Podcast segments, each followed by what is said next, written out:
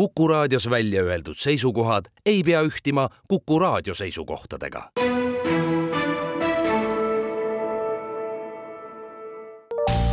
terviseks. Saadet toetab Lääne-Tallinna Keskhaigla, vaata ka keskhaigla.ee tere, head Kuku kuulajad, eetris on saade Terviseks ja kui me eilses saates rääkisime mononukleoosist, siis tänasel teemal jätkame, mina olen Ingela Virkus ja koos minuga on stuudios Lääne-Tallinna Keskhaigla nakkushaiguste arst Pille Märtin, tere taas! tere! räägime sissejuhatuseks korraks üle, et mis haigus see mononukleoos siis on, mida tuntakse ju tegelikult ka kui suudlemishaigust? Mononukleoos on nakkushaigus, mille põhjuseks on herpesviiruste seltskonda kuuluv Epstein-Barr viirus kõige sagedamini ja mis põhjustab ähm, klassikaliselt kurguvalu, lümfisõlmede suurenemist kaelal ja palavikku, mis võib püsida nädal ja rohkemgi kellel selle tekkeks suurem soodumus on? Ehm, haigustekitajaga puututakse kokku lapseeas ehm, ja, ja suurem jagu lastest põebki selle kas lasteaias või algkoolieas läbi ilma suuremat haigusnähtusid väljendamata, et neil ei tekigi suurt midagi peale võib-olla kerge palavik ja võib-olla natukene mõni päev kehvem olla ja rohkem ei olegi, aga just noortel inimestel kui esmaselt põetakse seda, siis võib tekkida küll selline klassikaline haiguspilt ja haigus kestab pikalt ja võtab paranemine aega.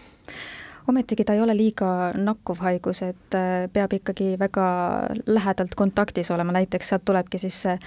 kõnekeeles nii-öelda võib-olla teadaolev diagnoos, et nagu suudlemishaigus, eks ju? just, just, et kuna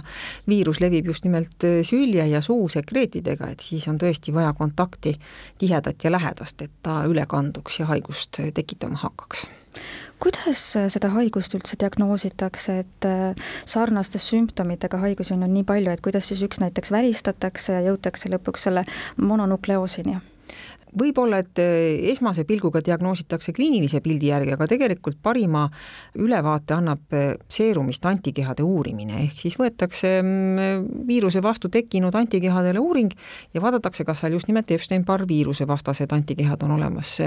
harvem küll võib sarnast haiguspilti põhjustada näiteks ka tsütomegaloviirus, mis on samuti herpesviiruste hulka kuuluv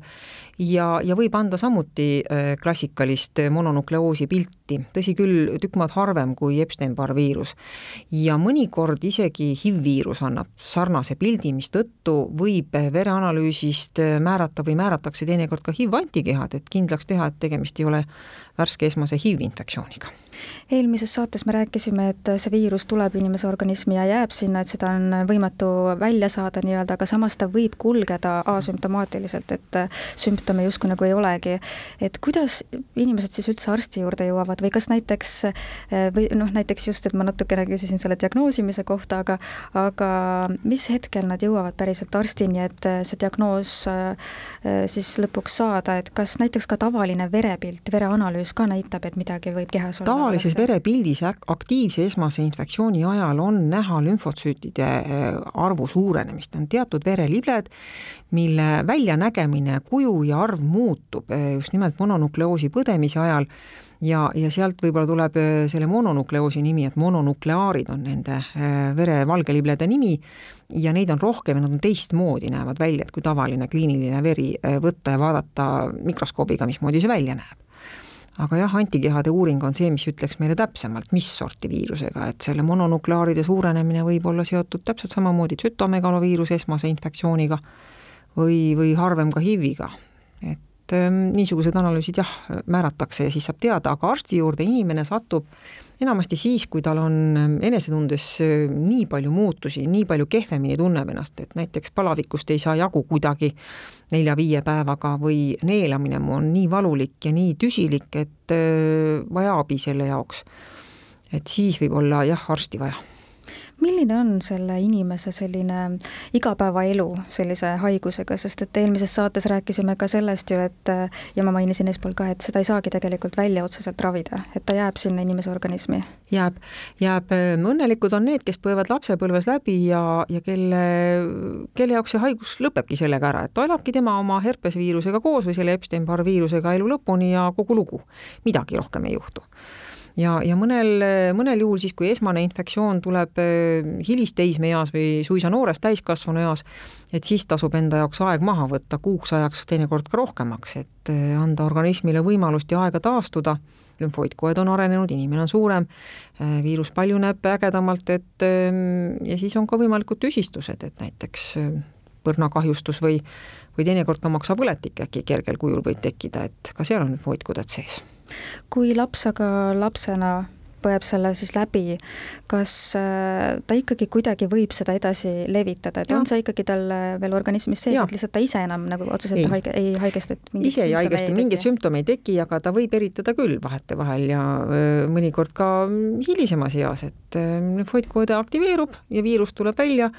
ja, ja sel moel me ei saagi tegelikult sellest viirusest inimkonnas jagu, et ravi pole, levib, äh, jääb eluks ajaks alles, võib aeg-ajalt aktiveeruda, võib sattuda taas sinna äh, suu limaskestale ja siis ta võib sattuda ka järgmisele inimesele äh, ja lapsele, et iga natukese aja tagant sünnib meile uusi lapsi juurde, jälle tekib uus vastuvõtlik populatsioon ja niimoodi see viiruse ringlus inimeste hulgas alles püsib. kas ta siis on kogu aeg nakkusohtlik või ainult nende aktiviseerimise aktiviseerumise ajal ei ta kogu aeg ei ole, ta on mhm. peidus. aga siis, kui ta aktiviseerub, siis ta võib natukene aega edasi anda, siis jälle kaob et äh, siin päris kindlaid äh, kuupäevi, termineid või ajavahemikke kahjuks öelda ei saa kui pikk selle peiteperiood äh, olla võib? erinevate allikate andmetel peiteperiood võib olla kuu aega kuni kaks kuud et eh, viirus võtab endale aega, enne kui ta eh, avaldub ja, ja inimesele nii-öelda sümptomaatikat tekitama hakkab aga raseduse korral, et kas äh, ema, kellel on see organismis, see viirus, kas tema annab selle lootele ka edasi? Äh, kui ema on põdenud enne rasedaks jäämist, siis tegelikult ema antikehad kaitsevad sedasama last esimesel poolel eluaastal, et kanduvad talle üle. Äh, oluliselt tõsisem olukord on siis, kui esmasinfektsioon raseduse ajaga kokku satub, et näiteks sütomegaloviiruse puhul on võimalikud loote väärarengud, nii et see on äärmiselt ohtlik olukord, esmane sütomegaloviirus infektsioon mononukleoosina põdeda raseduse ajal, et see on niisugune erisituatsioon, mis vajab jälgimist, õnneks seda ei ole väga sageli. saab seda kõike kuidagi ka ennetada? kahjuks ei saa, mida saab teha, on, kui inimene on haige, on tal diagnoositud, ta on leitud, ta on kodus, siis mõistagi kätepesu, hingamisetikett, köhaetikett, aga et et ta pindade peal kahtlaselt kaua püsiks ja kuidagi sealt edasi kandus, et see on nagu tagasihoidlikuma tõenäosusega võimalus. ja, ja ega igapäevased hügieenireeglid, mis me kõik juba ammu tunneme, et peseme käsi puhtaks, kui me koju tuleme ja enne söömist peseme käed puhtaks ja köhivast ja aevastavast ja tatisest inimest hoiame natukene eemal, et kõik need kehtivad siin ka aitäh teile saatesse tulemast, Lääne-Tallinna Keskhaigla nakkushaiguste arst Pille Märtin ja palju jõudu ja jaksu teile! aitäh! terviseks saadet toetab Lääne-Tallinna Keskhaigla, vaata ka keskhaigla.ee